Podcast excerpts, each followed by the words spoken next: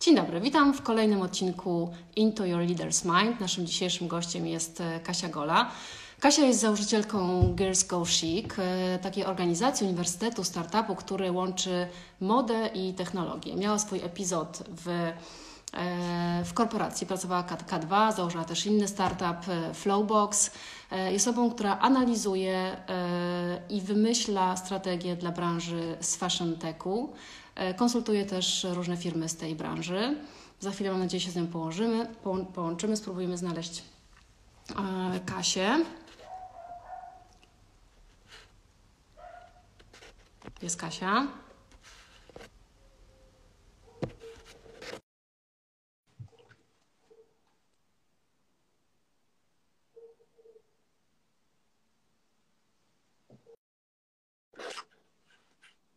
Jeszcze chwilka. Coś.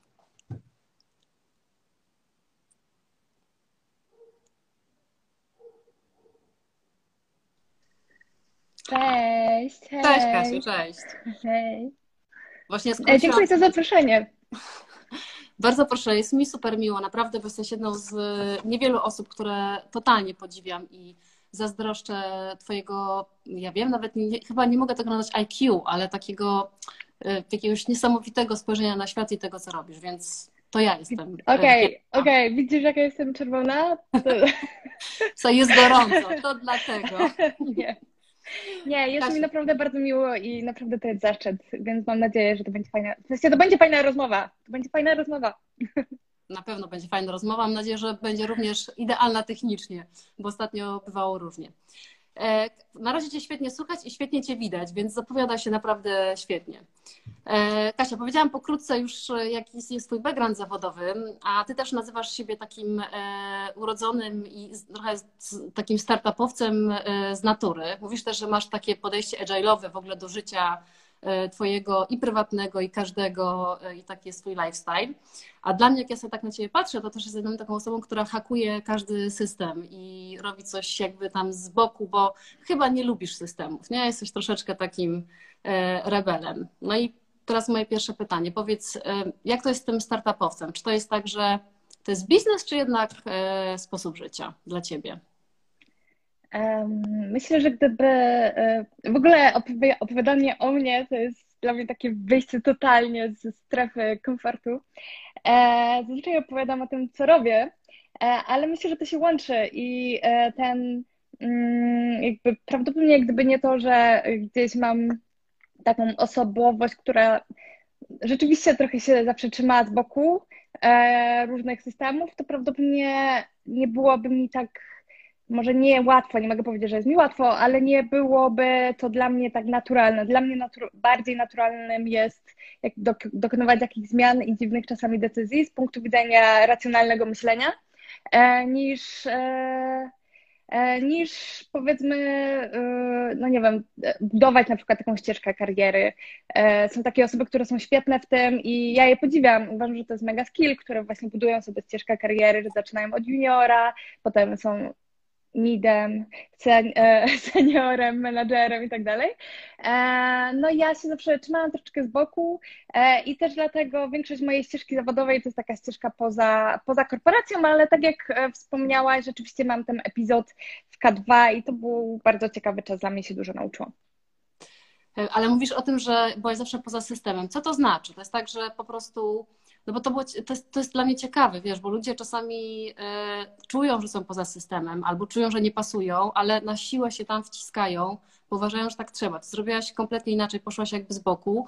E, no i wygrałaś trochę na tym, bo po pierwsze jesteś sobą, to jak rozumiem, i kroczysz taką drogą, którą sama wyzna, wyznaczasz, a po drugie jakby od, odnosisz takie swoje zwycięstwa, takie zamierzone. Więc co to znaczy obok systemu? To znaczy, że poszłaś do korporacji, robiłaś coś innego, czy próbowałaś z tego wyciągnąć coś dla siebie? O co chodzi? E, znaczy w momencie, jak poszłam do korporacji, ja myślę, że to była kwestia tego, że e, wiesz, byłam na studiach i chciałam po prostu e, zobaczyć, gdzie ja jestem w tym systemie. W sensie to nie jest tak, że człowiek się rodzi z wiedzą na swój temat i wszyscy wiemy wszystko od początku. Nie, absolutnie. I jakby też ta startupowość i agile'owość, w ogóle to jest słowo klucz, agile, którego użyłaś, to e, myślę, że bierze się z tego, że, że jakby życie rzuca nam różne tam wyzwania, różne czasami kłody, można to tak nazwać. I no i trzeba na to jakoś reagować. I agile'owość, powiedzmy, to jest taki sposób, e, w sensie trzeba szybko reagować na to, co życie nam daje. I myślę, że E, myślę, że dlatego też e, wyszłam między innymi szybko z K2, e, w którym się dużo nauczyłam, poznałam świetnych ludzi przede wszystkim, ale też się nauczyłam tego, że, no, że korporacja to nie jest coś dla mnie, aczkolwiek znam wiele osób, które mówią, że korporacje są złe, a ja uważam, że po prostu mm, to jest takie miejsce, gdzie można się dużo nauczyć i tam są miliony włożone w procesy, aczkolwiek aczkolwiek wiele osób chyba dochodzi do tego momentu właśnie, żeby, żeby iść na swoje e, i, i myślę, że to jest fajne, e, fajna ścieżka. E, ale też myślę, że fajną ścieżką jest próbowanie i to, że na przykład zrobisz swój biznes i myślę, że to jest właśnie ryzyko, że jak zaczynasz swój biznes, Oczywiście nie zakładasz, że się nie, nie powiedzie, bo w zasadzie nigdy nie wiesz. W sensie jakby wierzysz w to i generalnie całą swoją duszę wsadzasz w to, co, w to, co robisz, e, ale, ale wszystko się może zdarzyć, więc nie można myśleć o tym ryzyku e, i po prostu podejmować decyzje szybko, nie czekać na nic. Jak się nie powiedzie, no to będzie jakaś inna okazja, e, nie wiem, złapiesz jakiś projekt, który może nie jest wymarzonym projektem, ale który przyniesie ci jakąś stabilność, czy nie wiem, pójdziesz na E, rok do, do korpo, rok to nie jest dużo czasu, więc, więc nie ma nic złego po prostu w, w takim właśnie takiej agile'owości, popełnianiu, popełnianiu błędów i no i, no i tyle, i uczeniu się, nie? Zresztą my nie wiemy, co jest błędem, co, co nie jest błędem. Może się okazać, że na przykład podejmiesz jakąś decyzję i jesteś załamana tą decyzją, ale okazuje się, że, że to była najlepsza decyzja w Twoim życiu, o czym się dowiesz na przykład po, nie wiem, pięciu latach. W sensie ciężko jest oceniać decyzje życiowe po pięciu latach, ale wiesz, że to była ważna i dobra decyzja, nie? Więc, więc e, trzeba wychillować czasami.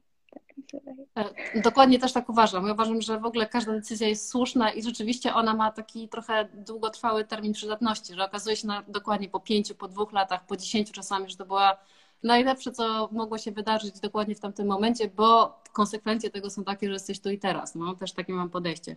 No ale powiedz, bo mówiłaś troszkę o ryzyku. No i teraz jest tak, że masz to po prostu w naturze, że podejmujesz to ryzyko i ono cię w jakiś sposób e, kręci, fascynuje, masz tą odwagę, bawi cię to po prostu, no bo wiesz, ludzie się boją, ludzie po prostu... Ja się boję. Ja muszę mieć z czego żyć, ja muszę mieć, e, nie wiem, dom, coś tam, takie, takie podstawowe i to też jest okej, okay, no bo po prostu mają ludzie różną, różną rzecz, więc jak to było Ciebie? Po prostu masz to w naturze, czy się tego nauczyłaś po prostu? Jakby każdy, jakby każdy podejmuje decyzję e, jakimś kosztem.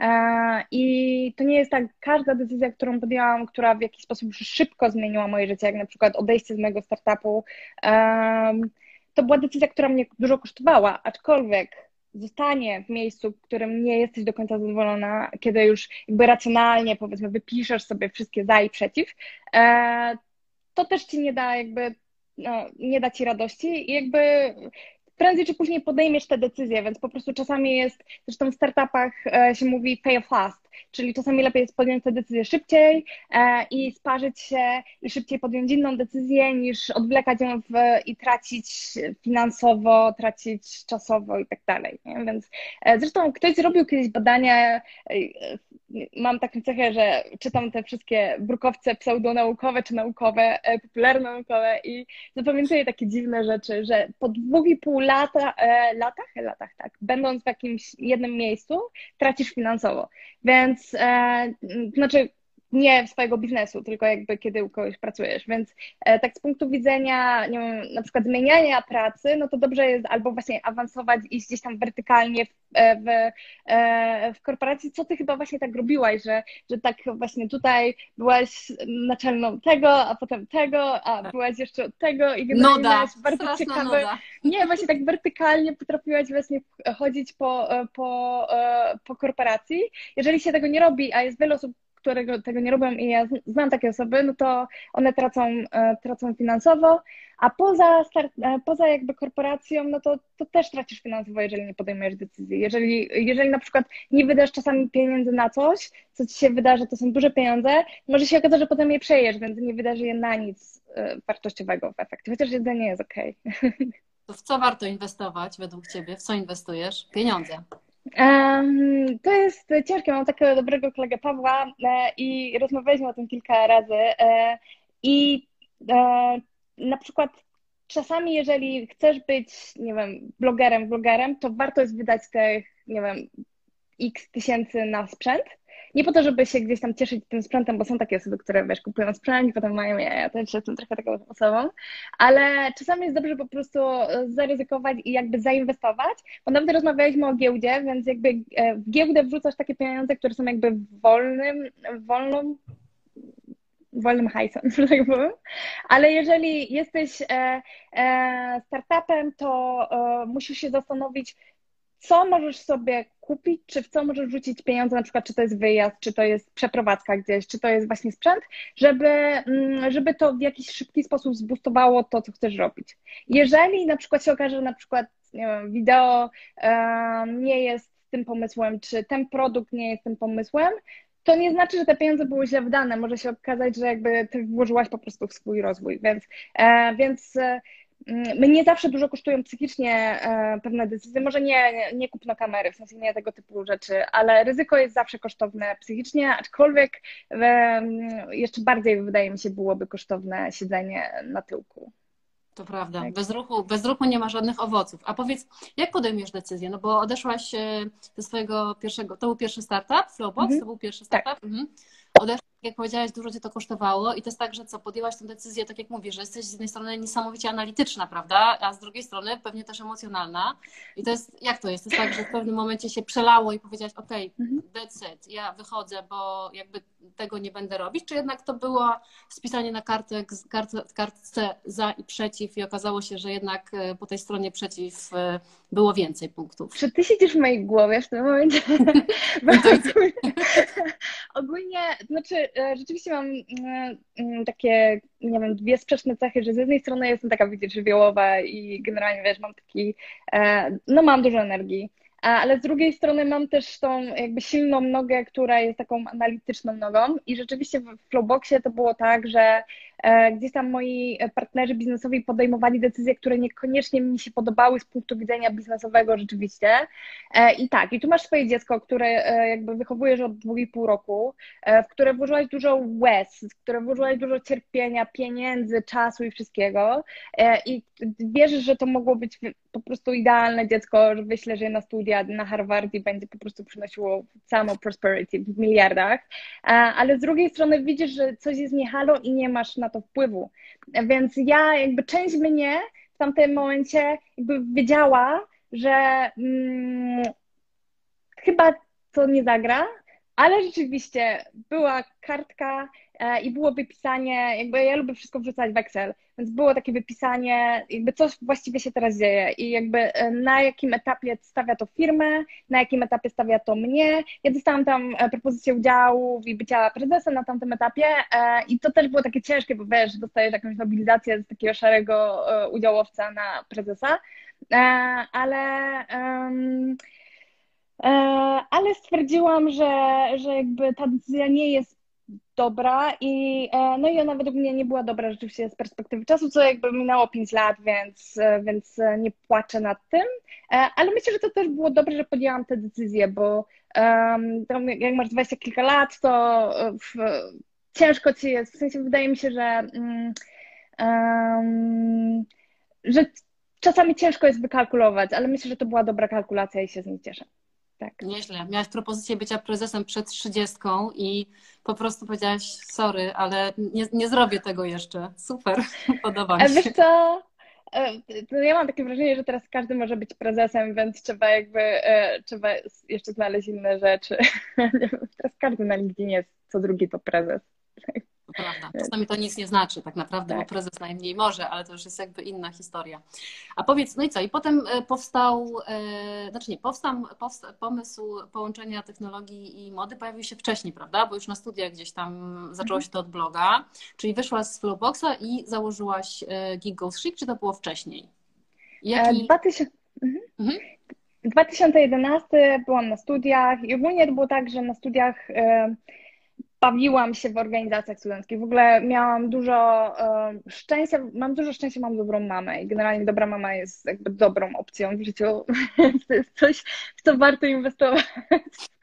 E, I, e, I moja mama zawsze mówiła, i to jest to, co e, tak sobie pomyślałam, że powiem tu, tutaj i teraz to powiem, że moja mama mi zawsze mówiła, żeby nie mówić o sobie źle, E, bo każdy znajdzie milionów powodów, żeby o, o tobie powiedzieć źle, a dziewczyny tak bardzo e, lubią o sobie mówić źle, więc ja nad tym pracuję u siebie i u wszystkich moich znajomych. ale moja mama też mi jakby pozwalała się rozwijać na studiach i już jakby w liceum jakby mm, pomagała mi w tym, na przykład, żebym chodziła na internshipy, żebym gdzieś się rozwijała, więc jakby swoją tą ścieżkę taką powiedzmy, że, że rzeczywiście chciałam zrobić praktyki, bo fajnie jest je mieć, ja już to zrobiłam w liceum, a na studiach się e, koncentrowałam na organizacjach studenckich e, i z jednej strony byłam w organizacji, która się zajmowała efektami specjalnymi i programowaniem. E, z drugiej strony współzałożyłam taką organizację na GH, która się nazywa KSAF i ona istnieje dalej i ona się zajmuje fotografią. Więc wiesz, jak e, z jednej strony masz to marzenie, żeby robić zdjęcia do glamourów, vogów i tak dalej, z drugiej strony, e, z drugiej strony e, jakby interesują cię takie dziwne tematy. I w sumie i to jest właśnie jakby fajne, że zaangażowałem się w takie dziwne tematy. I, I w momencie, kiedy masz miliony bodźców, które są zupełnie różne, jedna to, to nie wiesz tak naprawdę, w której branży siedzisz. W sensie ja nawet nie nazwałam tego w tamtym momencie branżą, tylko po prostu nie wiedziałam jakby, gdzie jestem. I też między innymi dlatego chyba poszłam na, na staż, a potem do pracy do K2. E, ale w pewnym momencie to jest taka, taka mityczna historia. Anna Wintour odbierała nagrodę The Webbies e, za najlepszą stronę internetową Vogue'a, a ja robiłam wtedy pracę na temat Vogue'a i ona e, powiedziała Sometimes geek can be chic. I to jakby wiadomo już skąd się wzięła nazwa, nazwa bloga, ale przede wszystkim to mi, wiesz, otworzyło jakąś furtkę, bo to nie jest tak, że ona mi dała jakieś supermoce, w sensie nie, ale otworzyło mi to jakąś furtkę, że wow, że tak, Sometimes Geek Can Be Chic. I zaczęłam robić e, bloga o nowych technologiach w modzie, gdzie definiowałam to totalnie inaczej niż dzisiaj. Um, i, i jakby ten blog i w ogóle e, ten temat nie było go w ogóle jeszcze w tamtym czasie, w 2011, jak studiowałam, ale ale rozwijał się razem ze mną i myślę, że to, jak dzisiaj definiuję, to z grubsza jest to, jak to definiują ludzie na świecie. Byłam na pewno jedną z pierwszych osób e, i, e, no, i no i keep on fighting. A dlaczego nie zostałaś fotografem w końcu? Wiesz co, to jest dobre pytanie i szczerze mówiąc to też była taka kalkulacja. No przede, jakby z jednej strony też miałam to, te, to media frame, to, to koło naukowe i e, wiesz, e, jak masz jakieś takie drugie mocne hobby, to gdzieś tam e, ciężko jest ci się um, ustabilizować. Chociaż nie wiem, czy fotografia jest tak bardzo stabilizująca, A, ale też to była kalkulacja. Jakie jest prawdopodobieństwo tego, że będziesz robiła zdjęcia do Vogue'a i do Glamoura i do L, jeżeli w sensie tyle. Jakie jest prawdopodobieństwo? I stwierdziłam, że e, jeżeli mam się wsypać w branżę, gdzie jest e, miliony innych ludzi, okej, okay, robiłam nie najgorsze te zdjęcia, ale e, jakby nie czułam, żebym jakby wnosiła sobą coś, co by mnie wyróżniało, żeby się wywindować wyżej. E, I e, dopiero takie połączenie właśnie tematu technologii i mody, to jest coś, co wiesz, ja po prostu czuję całą sobą, że wnoszę, jakby, że to jest taki, to jest, to jest moja nisza i tyle. E, możesz być w czymś dobra, ale niekoniecznie możesz, musisz to robić. To zawsze Prawda. może być hobby. Myślę, że to jest strasznie ważne, wiesz, żeby gdzieś tam, jak jesteś e, dosyć młodym człowiekiem, już na takim etapie dosyć wczesnym, jednak tak sobie dodefiniować to, ok, w tym jestem dobra, tu mam power, tu mam talent, a w tym będę po prostu średnia i nie pchać się w te rzeczy, w których jesteś, jesteś średnia, chociaż tak jak mówią Ci wszyscy, ja też się zgadzam i troszeczkę Ty zrobiłaś tą, to z tą modą i z technologią, że tak naprawdę pewien miks Twoich kompetencji, to jest, twój, to jest takie Twoje ID, z którym wychodzisz w świat i wygrywasz jakieś tam rzeczy, które, e, na których Ci zależy. No i powiedz, i powstał sobie e, Geek Goes Chic i powiedz, co to jest w zasadzie w tej chwili? Jakbyś miała... w, tym momencie, mhm. w tym momencie jestem konsultantem. E, mamy community, ono jest mega ważne, aczkolwiek to nie jest coś jakby to nie jest stricte biznesowe community, jakby społeczność e, ludzi, którzy przychodzą na meetupy, dzielą się wiedzą e, i jakby czerpią z tego networku, aczkolwiek na pewno mi pomaga gdzieś tam z boku. E, więc to są ludzie, którzy się uczą po prostu za darmo. To jest takie przeniesienie modelu e, open source'owego i takiego modelu, jak działają startupy w Dolinie Krzemowej na branżę modową. I to na pewno robiliśmy jako pierwsi na świecie i za to też dostałam nominację do WGS na w 2015. E, jest to community, a oprócz tego mamy jeszcze to Gigosig University, które jest mm, edukacją on demand dla branży modowej i tutaj się skupiamy na praktycznej wiedzy i na, na takie, gdzie łączymy technologię z modą w jakiś tam sposób, czyli e, no, marketing, czyli retail, ale w oparciu o, o technologię. Czyli jaki jest cel? Bo tak jakbyś miała to powiedzieć nie geekowi, który jakby mm. jest szansa, że połowy rzeczy e, i nomenklatury, którą używasz, nie zrozumie. Co jest okej, okay, bo ja jakby mm. rozumiem, większość ludzi rozumie, natomiast jestem ciekawa takimi prostymi słowami. Czy to jest, jeżeli mówisz, że to jest oparte na społeczności, czy to jest tak, że ta społeczność po prostu wymienia się, ale nadal tematami jakby z tej dziedziny i mody i technologii tylko, czy to jest dużo szerzej? E, to jest skomplikowane. Ogólnie cała moda jakby i wszyscy pracujemy w branży technologicznej. To nie ma jakby każda branża, nie potrafię sobie wyobrazić w tym momencie branży, która by się nie łączyła z technologią, łącznie z rolnictwem, gdzie satelity ci, e, jeżeli masz dobrze prosperujące gospodarstwo, to korzystają z danych satelitarnych, które na żywo ci mówią, co zrobić na twoim polu. E, na polu, jestem w Krakowie, więc ogólnie tutaj szerzej to definiujemy. A branża modowa od dawna pracuje w w technologiach i musimy się do tego przyzwyczaić, że wszyscy pracujemy jakby w tej, w tej branży. Um, więc e, jakby to, co wnosimy, to po prostu edukacja i też wymiana tej wiedzy, bo jakby branża modowa jest dość zamknięta, branża technologiczna jest otwarta, jest taka zakonsersowana.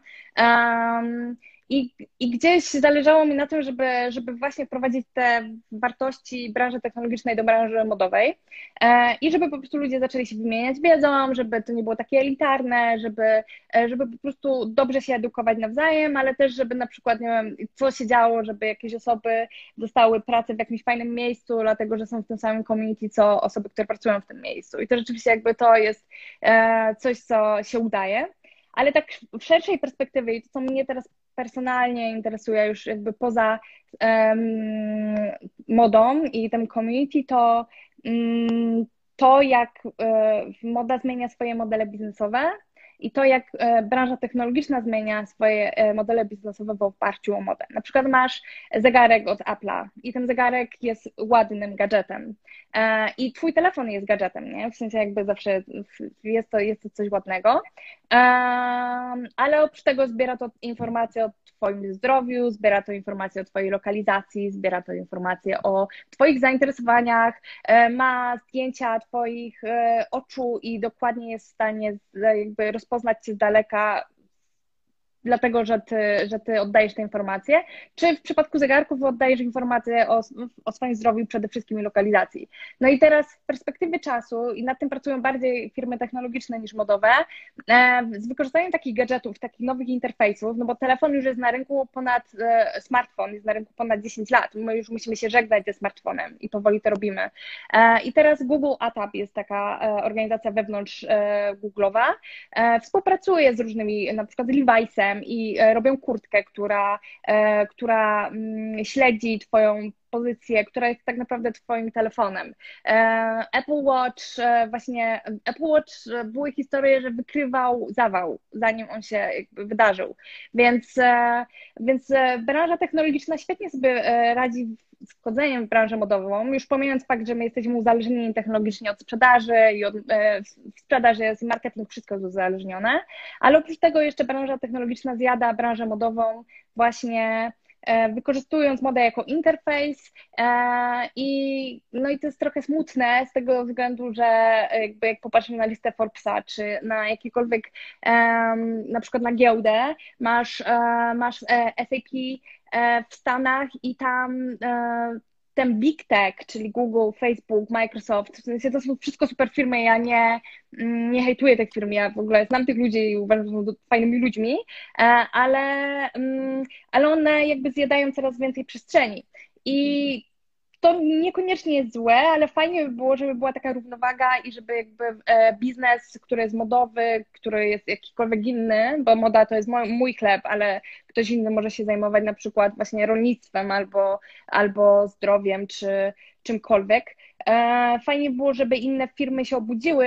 Halo, mamy 2020 i jakby dobrze jest budować e, swoją przewagę konkurencyjną, choćby po to, żeby nie mieć monopolu czy duopolu na rynku, ale to już jest tak, wiesz, wychodzimy od kwestii marketingu i, i PR-u i sprzedaży i tego, żeby moda była bardziej zrównoważona, a kończymy na tym, jak, jak e, jakie modele biznesowe się po prostu pojawiają. Więc to mhm. jest mega szeroki temat i nie jestem specjalistką w żadnym, E, e, jakby specjalizuje się w jakby przewidywanie to jest brzydkie słowo, w analizie e, tego i jakby takiej, takiej futurystyce, a także gdzieś tam się bardziej znam na przykład na AR-ze w branży modowej, czyli na, na rozszerzonej rzeczywistości, czy na wearables, to jest taki mój konik powiedzmy.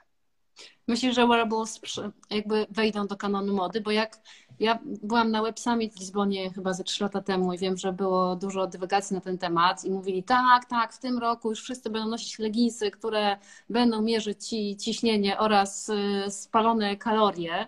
Jakoś to się nigdy nie wydarzyło i tak się zastanawiam rzeczywiście z tego, co mówisz, to pytanie, w którą stronę to pójdzie, bo może to pójdzie w taką stronę, że nie wiem, Facebook y, w przyszłym roku po prostu zrobi swoją kolekcję modową i, i znowu jakby ci giganci zagarną modę, a nie moda użyje tych technologii jako narzędzia. Jak myślisz?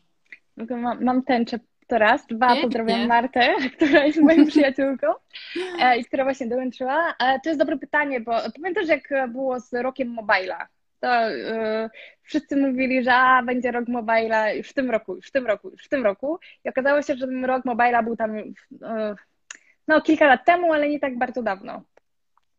I to samo jest z wearables. I my do końca nie wiemy, ja też tak przewiduję, że to nie będzie tak, że to będzie zegarek albo leginsy. Mm, to po prostu będą noszalne interfejsy, czyli takie ubrania, gadżety, które będą rozszerzały Twoje zmysły twój zmysł wzroku, dotyku, słuchu. Tak jak te słuchawki, to tak naprawdę jest gadżet, który jest modowy po części e, i rozszerza mój zmysł e, słuchu, bo nie tylko mogę słuchać muzyki u siebie na telefonie, e, nie tylko jakby wycisza to, co się dzieje w koło, ale ja słyszę Ciebie, Ty jesteś w Warszawie, ja jestem w Krakowie. Jesteś w Warszawie, prawda? Tak, Czy gdziekolwiek indziej na świecie jesteś, prawda? Tak. Więc, więc ja w tym momencie mogę słyszeć coś, co, co jeszcze Mm, no, bezprzewodowo, co jeszcze 10 lat temu nie było takie oczywiste. E, I e, historycznie co 10 lat e, interfejsy się tak, 2010 to już był rok mobile. Co 10 lat te interfejsy się zmieniają. Od 2008 wyszedł pierwszy iPhone, i od tej pory właśnie szukaliśmy tego roku mobile, tam od 2010 powiedzmy. I przedtem był, były E, PC pod tytułem laptopy, przedtem były komputery stacjonarne, przedtem e, były inne interfejsy, które były oparte na tekście, na liczbach i tak dalej. E, no i teraz czas na rozszerzoną rzeczywistość, czas na, na wearables, choćby dlatego, że już jakby popatrzeć sobie na tę krzywą rozwoju, no to ten mobile nie pójdzie wyżej. My nie będziemy, dużo więcej osób nie będzie miało mobila. I gdzieś w jakimś momencie, no chyba, że się zakupiemy, jest 2020 wiele rzeczy może się zdarzyć. Było trzęsienie ziemi w ogóle w Los Angeles. E, ale e, pod warunkiem, że nie stanie się średniowiecze, to, e, to będzie musiało iść do przodu. Więc wearables, rozszerzona rzeczywistość, ja bym tu patrzył. Tak, ale jeśli patrzę na Twoje słuchawki, które są wearables i rzeczywiście przedłużają zmysły i pytam się, jako osoba, która siedzi w modzie od 25 lat, gdzie tu jest moda? Oprócz jakby samego mhm. faktu, że jest pewien snobizm na to, ludzie chcą to mieć i tak dalej. Natomiast taki fashion, fashion, który jest pewną kreacją, pewną, pewną jakby e, fantazją, no i jakby upiększa cię, no bo gdzieś tam ten mhm. fashion docelowo macie upiększać albo dawać jakąś taką identyfikację, która, która sprawia, że jesteś e, atrakcyjny albo przynajmniej modny. No i teraz moje pytanie jest, gdzie, gdzie, gdzie to jest, e, mhm. gdzie to jest w tym i to jest taka moja, gdzieś tam moja wątpliwość, bo jeszcze dołożę do tego jedną kwestię, no bo rzeczywiście masz rację, że pojawił się COVID i myślę, że z tym COVIDem i jakby z całą tą post-COVIDową rzeczywistością, tego, że ludzie że ta moda troszeczkę została no, tak zdyskryminowana w takim sensie, że nagle się okazało, że nie potrzebujesz tych 500 torebek oraz 12 par butów i tak dalej. I e, nastąpiła potrzeba, to też jest badane i bardzo ciekawe, że ludzie chcą, nagle okazało się, że chcą kupować rzeczy, które są im potrzebne. I ja tutaj widzę to miejsce na te wearables, że rzeczywiście e, taka funkcjonalna odzież, która oczywiście jest super estetyczna, ale nie w takim, w takim wydaniu y, czy, oczywistym, jak było kiedyś. Rzeczywiście jakby jest szansa, że może 2020, 2021, 2022 będzie tymczasem wearables. To to nie było... E, no, jak, mm, to jest dobre, w sensie wszystko, co, co jakby powiedziałaś jest prawdą. Nie, nie sądzę, żeby to już był tam rok, chociaż e, Apple Watch e, nie chce tutaj rzucić złej statystyki, ale ma chyba większy rynek niż, niż zegarki tradycyjne w Szwajcarii. To nie, nie chcę jakby tutaj, ale jakby to jest ta tendencja.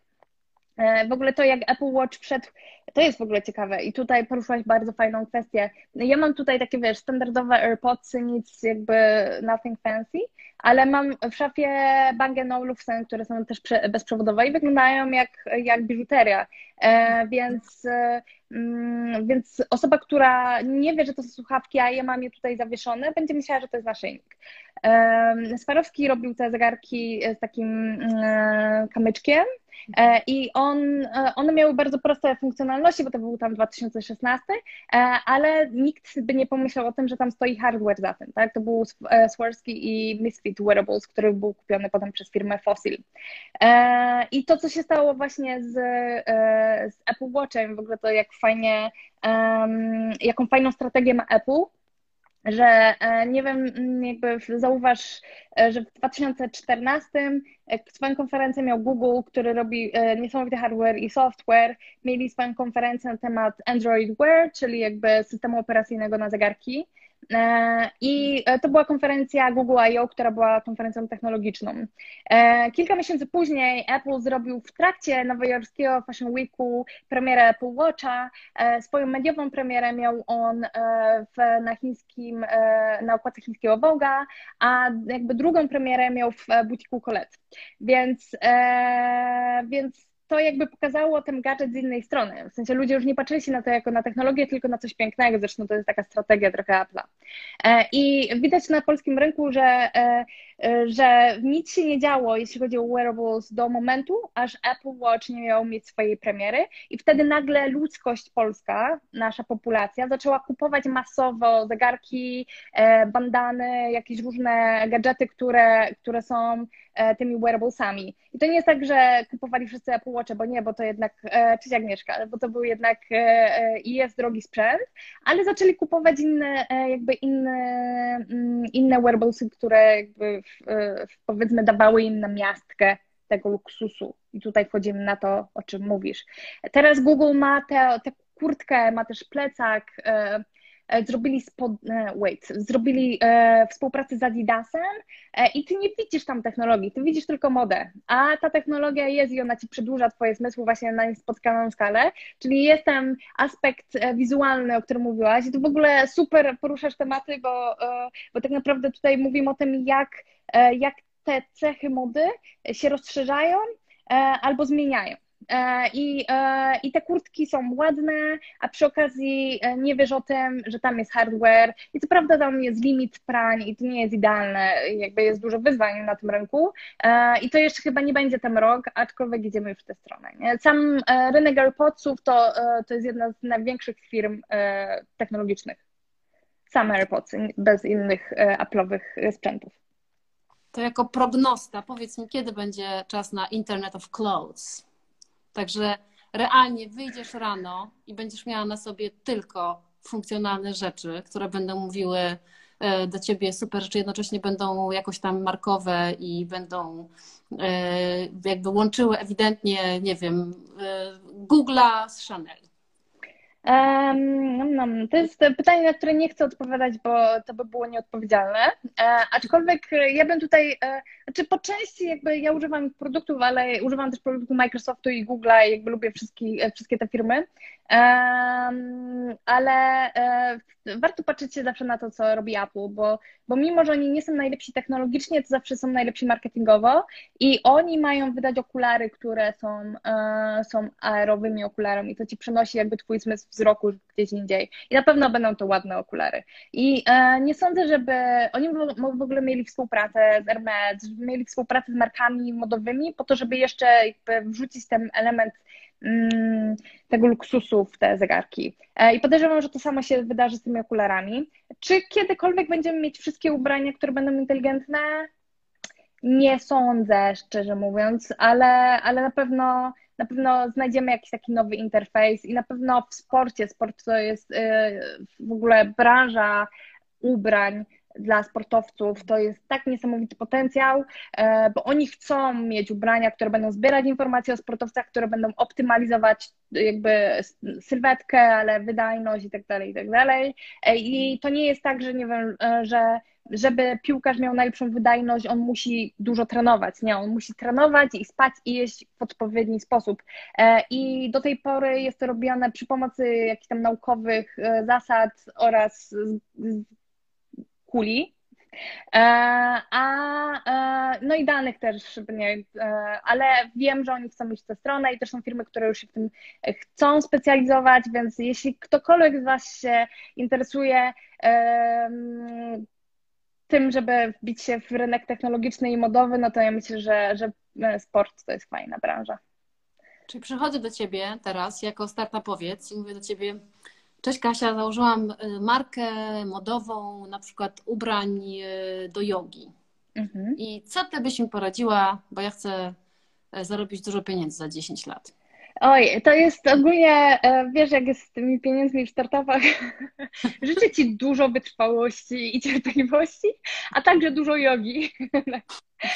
um, ogólnie taką radę, która, która jest sensowna, e, dałabym taką, żeby e, zobaczyć, co zrobiła jakaś firma w innej branży, na przykład Uber, jak on pięknie sobie poradził i przenieść to na inną branżę. I wtedy jest bardzo duże prawdopodobieństwo tak zwanego sukcesu. Jeżeli oczywiście się będzie miało egzekucję, cierpliwość i jakby wszystko, co trzeba, nie? Wszystko się złoży myślę, że jakby szukanie modeli, które się sprawdziły i wsadzanie je na przykład w branżę modową to jest, to jest sprytne. E, I, I to bym Ci radziła. Jest ta firma, wiem o której firmie mówisz, e, Wearable X, oni właśnie robią takie spodnie do jogi e, i oni są ciekawą firmą, bo robili wcześniej kurtki, rob, mieli współpracę z, nie, nie wiem jak wymówić nazwę, EY i, i szukali w sporcie jakby emocji.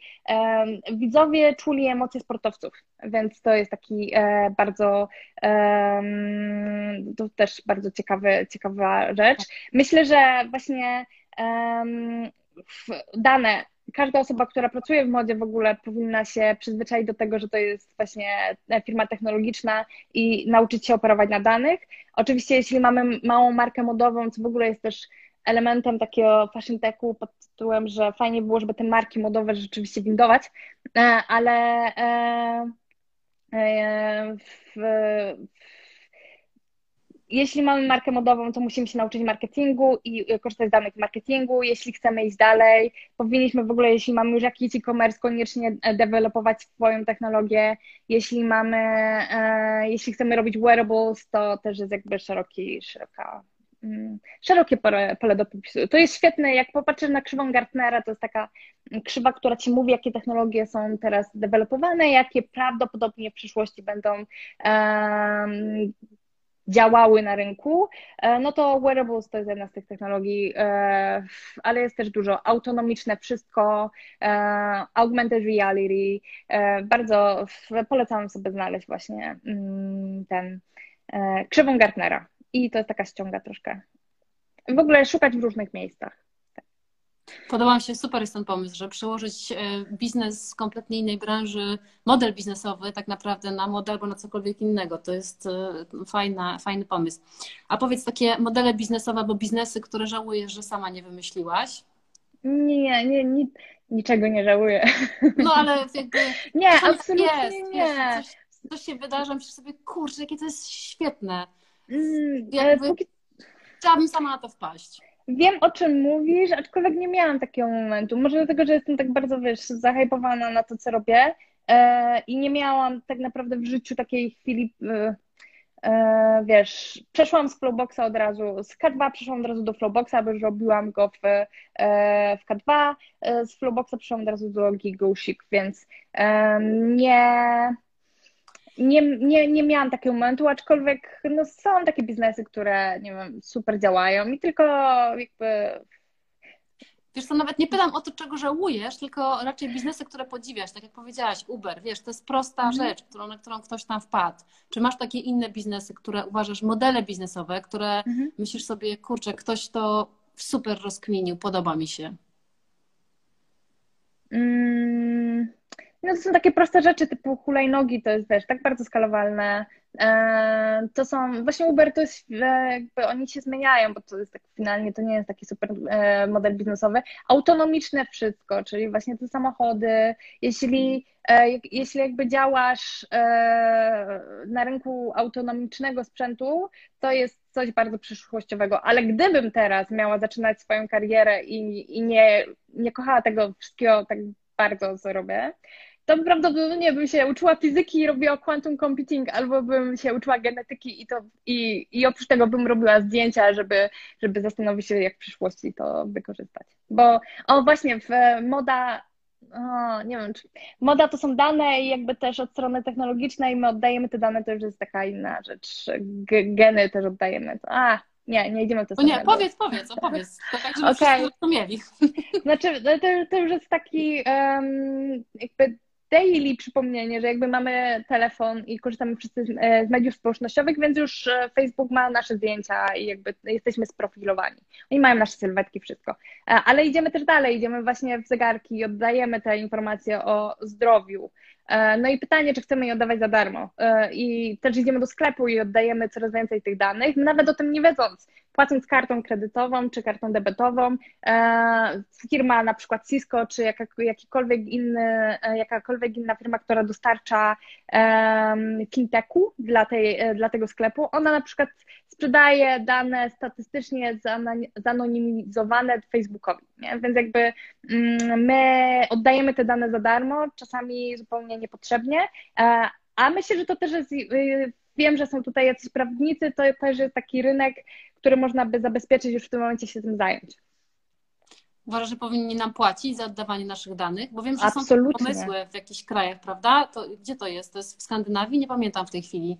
Nie Ale wiem, nie był wiem. taki pomysł, ale... że tak powiem, kontrujący to, co się dzieje w Chinach, żeby po mhm. prostu, okej, okay, ja się loguję, wy wszystko o mnie wiecie, ale tak naprawdę po prostu mi płacicie za to. Absolutnie, my oddajemy to za darmo za zaglądanie kotków. I ja to robię, a e, troszkę jest coś w tym skrzywionego, w sensie my się kiedyś obudzimy, przede wszystkim uważam, że dane to jest drugi obok mody zrównoważonej temat dla mody, najważniejszy. E, no i oprócz tego, że mamy tych 20 firm, które mają 97% przychodów, tutaj też jakby istnieje pewien zgrzyt, bo chyba tak nie powinno być. Ale e, ale e, tak, myślę, że startupy, które się będą tym zajmowały, to e, jakby oddawaniem danych i jakby pieniężeniem tego i zabezpieczeniem tego to jest przyszłość. Na pewno do współpracy na przykład z rządami, bo rządy, na przykład Unia Europejska, mamy ten cały GDPR, to mityczne RODO i ono jest ok, bo i tak jest lepsze niż w większości Stanów w Stanach albo w Chinach w Azji w ogóle. Ale, ale i tak jest dużo do zrobienia i myślę, że oni właśnie potrzebują startupów i mądrych ludzi, którzy, e, którzy będą chcieli się tym zająć i im pomóc. E, bo Unia Europejska o tyle jest ciekawa, że jakby jak jest jakaś potrzeba, to oni robią jakąś organizację przy Unii Europejskiej, która pracuje przy Komisji Europejskiej, która się zajmuje jakimś tematem. E, na przykład, nie wiem, modą zrównoważoną oni się zajmują bardzo mocno i danymi zresztą też i myślę, że jeśli, jeśli interesują Was dane, to, to można się zastanowić nad przyszłością właśnie bezpieczeństwa danych, y, mm, bo to jest, to jest taki startup bardzo potrzebny, ale jeszcze o tym nie wiemy, bo ludzie się zorientują, ile danych oddali, jak na przykład zaczną dostawać rachunki za ubezpieczenia, które będą uzależnione od tego, jak dużo uprawiają sportu albo jakiego sportu uprawiają. No właśnie, to jest odwieczny problem. E, a powiedz, ile, czy, czy, czy ta technologia albo w jaki sposób ta technologia może pomóc modzie być bardziej zrównoważona? To jest mega skomplikowane, bo e, jakby chciałoby się sprowadzić to na przykład do, do tkanin. E, nie da się. Chciałoby się sprowadzić to do logistyki, nie da się. Albo chciałoby się wziąć e, produkcję z Bangladeszu, ale jeśli weźmiemy to, to miliony ludzi stracą pracę i więcej milionów ludzi straci po prostu dach nad głową.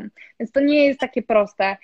Tak samo chciałoby się na przykład powiedzieć, że sprzedaż w e-commerce jest e, mniej psująca, ale to też nie jest prawda, bo jak ludzie zaczynają zwracać, to e, zwroty e, Lingaro to obliczyło. Jeżeli się nie mylę, zwrot kosztuje środowisko 5 razy więcej niż kupno. Więc tutaj po prostu również trzeba się nauczyć korzystać z danych i w oparciu o te dane wprowadzać innowacje jakby na każdym szczeblu. I tutaj na przykład augmented reality, grafika 3D E, może się przydać do tego, że ty e, oglądasz w sklepie nie ubranie, które jest fotografowane, ale model jakiegoś ubrania. I e, no, trzeba tu zacząć od marek luksusowych. I ty kupujesz coś, co jeszcze nie istnieje i coś, co jest szyte specjalnie dla ciebie. Ale żeby to się opłacało w modzie, jakby, która jest mniej luksusowa, to to szycie, te tkaniny muszą być automaty- jakby automatycznie szyte.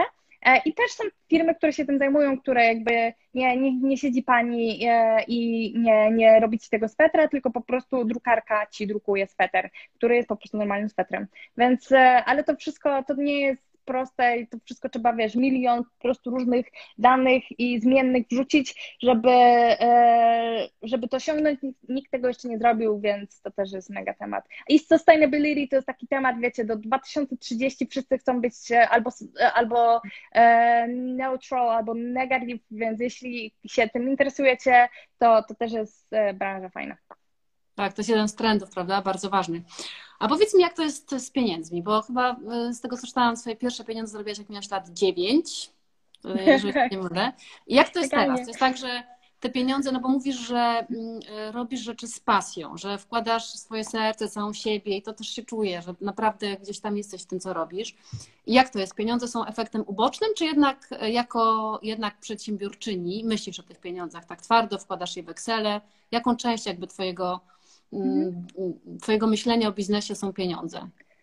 Pieniądze są ważne i są nieważne. W sensie jakby tutaj e, są mega ważne, no bo jakby wszyscy potrzebujemy je mieć. E, przepaliłam dużo pieniędzy niepotrzebnie e, i też mam taką, taką tendencję, żeby wrzucać pieniądze w community e, i ja nie robię jakiegoś ekstensywnego e, new biznesu, a jakby każdy event kosztuje.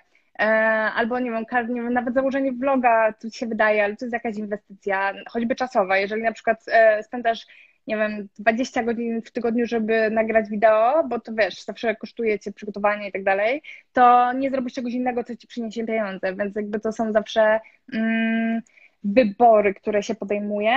E, ja mam do tego e, jakby poważnie do tego podchodzę. I jak rozmawiałyśmy mm, przy telefon ostatnio, to ci powiedziałam, że jakby jak odchodziłam z e, Flowboxa, to jakby to, co sobie powiedziałam, to pierwsza rzecz, jaką zrobię w tej firmie, to wystawię fakturę. Więc tak też było praktycznie, nie wiem, czy w ten sam dzień założenia spółki, czy tam kilka dni później już wystawiłam, wiedziałam, że będę wystawiała.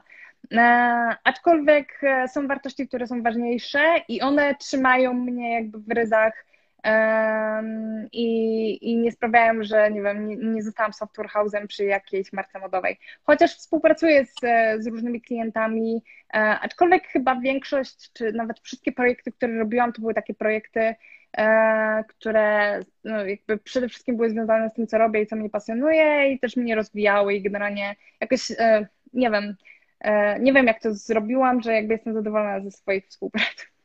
Tak. Były gorsze i lepsze finansowo. E, najlepiej się zarabia za granicą, bo możesz krzyknąć całą stawkę tylko w euro, bo, bo ludzie zarabiają w euro jakby w tej samej stawce. Jakby tutaj nie ma mm, ani wstydu, nie ma jakby w ogóle trzeba mówić o pieniądzach, mi się wydaje szczerze, że jakby czasami ich nie ma, bo zainwestujesz w coś źle, czasami są, e, trzeba rada życia, e, lepiej krzyknąć więcej, bo najwyżej nie wezmą. Jeżeli będzie im bardzo zależeć, to będą negocjować. I ja się tego wszystkiego uczę na swoich własnych zębach i na swoich własnych włosach i na, jakby w sensie na swoim zdrowiu, e, ale dziewczyny często właśnie myślą, a nie, nie wiem, chyba nie zasługuję jeszcze na te pieniądze, bo mam tyle doświadczenia, tyle. Troszkę bardziej się boimy, ja mam to samo w głowie, no ale nie ma co, po prostu trzeba powiedzieć, ile się, ile się myśli i tyle. I co będzie, to będzie. Nie? Najwyżej nie wezmą, to będzie jakiś inny, nie? Najwyżej będzie lekcja. Czyli nie boisz się i cenisz się jakoś. Znaczy w takim sensie, że wyceniasz się odpowiednio i żądasz jakby za swój czas, za swoją głowę, za swoje pomysły, pieniądze i nie masz takiego poczucia, że a, to jeszcze nie teraz, bo jeszcze nie jestem ekspertem, nie mam 60 lat, nie przeżyłam wszystkiego. Przede jest? wszystkim e, no, nigdy nie nazwę się ekspertem, bo wydaje mi się, że jak jesteś już ekspertem, to znaczy, że trzeba iść na emeryturę albo po prostu coś bardzo zmienić. I to nie jest agile'owe, więc ja po prostu się uczę i oduczam szybko. W sensie, no, staram się, może tak, w sensie jakby mam to w głowie cały czas, że to, co wiem w tym momencie, niekoniecznie jest jakby valid jutro i świetna jest nasza rozmowa, bo wiesz, ty dajesz swój feedback z zupełnie innego doświadczenia i ja to gdzieś przemielę w swojej głowie i, i będzie to miało dla mnie dużą wartość. Um, ale, e, ale przede wszystkim każda Twoja godzina może być spędzona w różny sposób.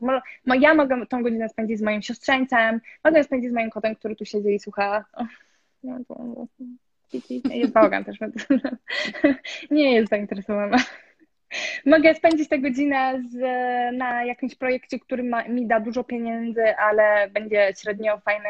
Mogę e, na średni, średnio jakby finansowym, fajnym projekcie, ale, ale emocjonującym dla mnie. A mogę robić nasze projekty z moim kolegą Pawłem, e, czy, czy jakiekolwiek inne projekty, które są inwestycją, uważam, że są po prostu fajnymi projektami.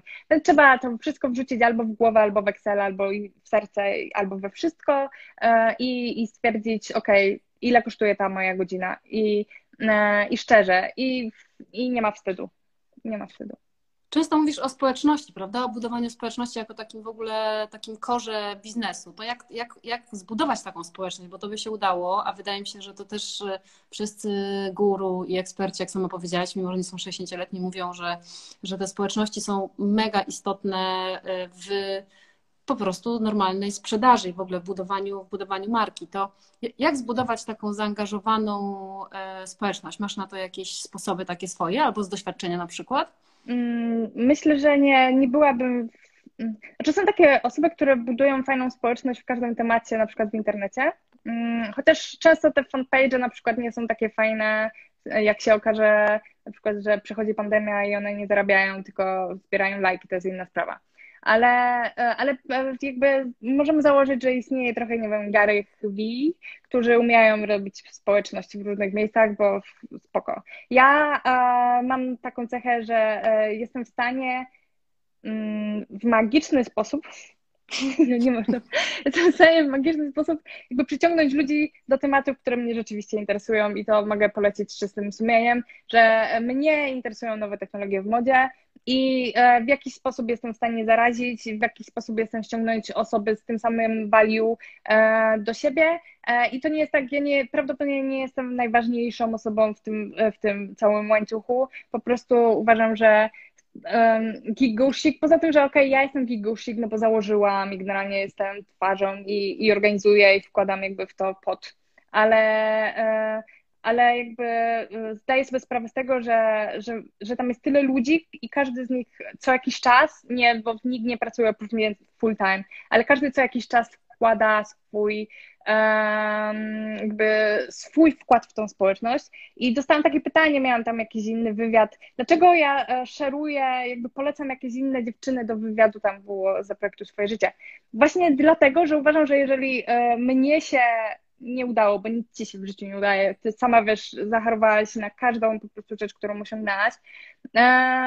Ale jeżeli jakby y, ja już w tym występuję, ale wiem, że jest tyle fajnych osób koło, to jakby giving back, więc myślę, że to jest taka wymiana. Więc pokrótce, y, akurat u mnie to jest tak, że buduję społeczność w tym, co kocham. W gimnazjum budowałam społeczność internetową fanów Harry Pottera, więc ja myślę, że jakby to jest taki powielalny temat u mnie. To, co kocham i jakby e, wymiana, to jest łańcuch. Nie?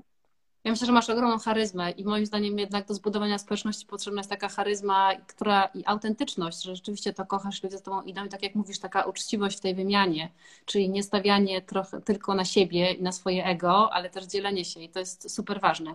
A to jakby sprawia, że tak naprawdę jesteś super liderem. Powiedz, jakim ty się czujesz liderem? Nie, nie zastanawiam się nad tym. Nie, nie zastanawiam się absolutnie nad tym, e, czy jestem liderem, czy nie. Um, nie, nie myślę o tym. I to jest dla mnie e, jakby. E, to jest takie pytanie, na które musiałabym się naprawdę dobrze zastanowić.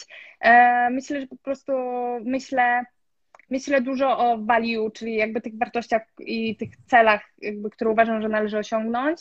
Aczkolwiek kiedyś tak myślałam, że, że cele są najważniejsze, ale zauważyłam, że za bardzo się przywiązuję do ludzi i uważam, że ludzie są też ważni, więc jakby ludzie i wartość są dla mnie ważni. Czy ja jestem liderem, nigdy się nad tym nie zastanawiam. Mm. Aczkolwiek w ten dzień, kiedy rozmawialiśmy przez telefon, potem byłam na, na takim e, plenerowym grillu, bo tutaj podkreślam plenerowym, bo dalej mamy pandemię.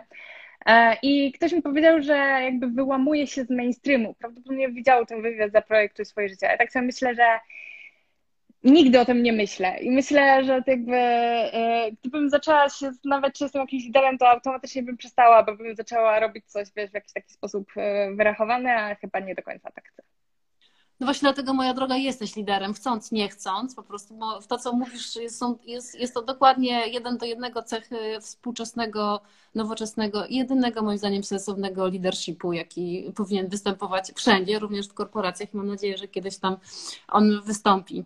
A powiedz Kasia, bo już y, zaraz będziemy niestety kończyć, mimo że to jest w ogóle fascynująca dla mnie wycieczka w przyszłość, bo naprawdę przez te kilka e, minut rozmawiając z Tobą przeniosłam się w e, takie ekscytujące science fiction. Super fajnie. Powiedziałaś kiedyś, że e, jesteś detailed oriented e, generalist. Znaczy nawet nie powiedziałaś chyba tylko na nie napisałaś.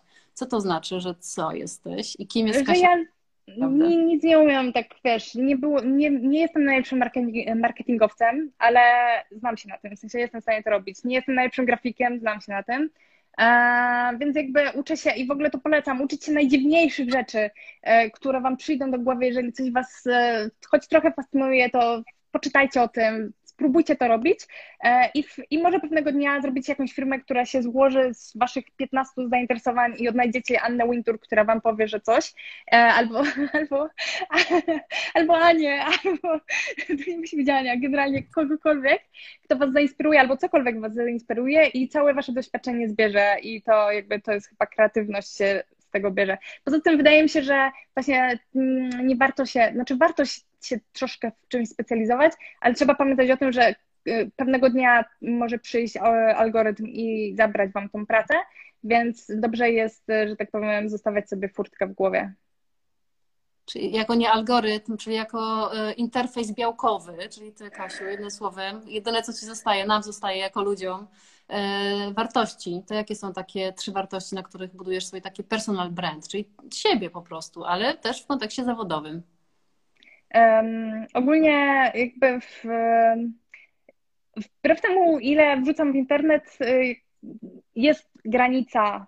Nie mówię o rodzinie, nie wrzucam zdjęć rodziny. W większości znajomych w ogóle jakby nie, e, ale bardzo się skupiam jakby, myślę, że pokazuję swoją osobowość e, jakby w inny sposób, nie wiem, przez moje hobbies, e, więc trzeba sobie postawić granice w swoim życiu i mieć je w głowie jakby trzeba wierzyć w to, co się robi i jakby wierzyć, że jakby zmieniasz choć trochę, choć trochę świat. I myślę, że ważne jest to, żeby mieć tych ludzi typu rodzina, typu przyjaciele, jakby nie dać się zwariować światu, bo na koniec dnia coś się może wysypać i, i masz, nie wiem, brata, siostrę, e, żonę, męża, dzieci, cokolwiek, e, czy przyjaciół i to jest mega ważne. I ja dalej się przyjaźnię z tymi osobami, z którymi się przyjaźniłam na studiach czy w liceum e, i w międzyczasie się jakby zbierają osoby w moim życiu, które są mega wartościowe i nie przehandlowałabym ich za nic.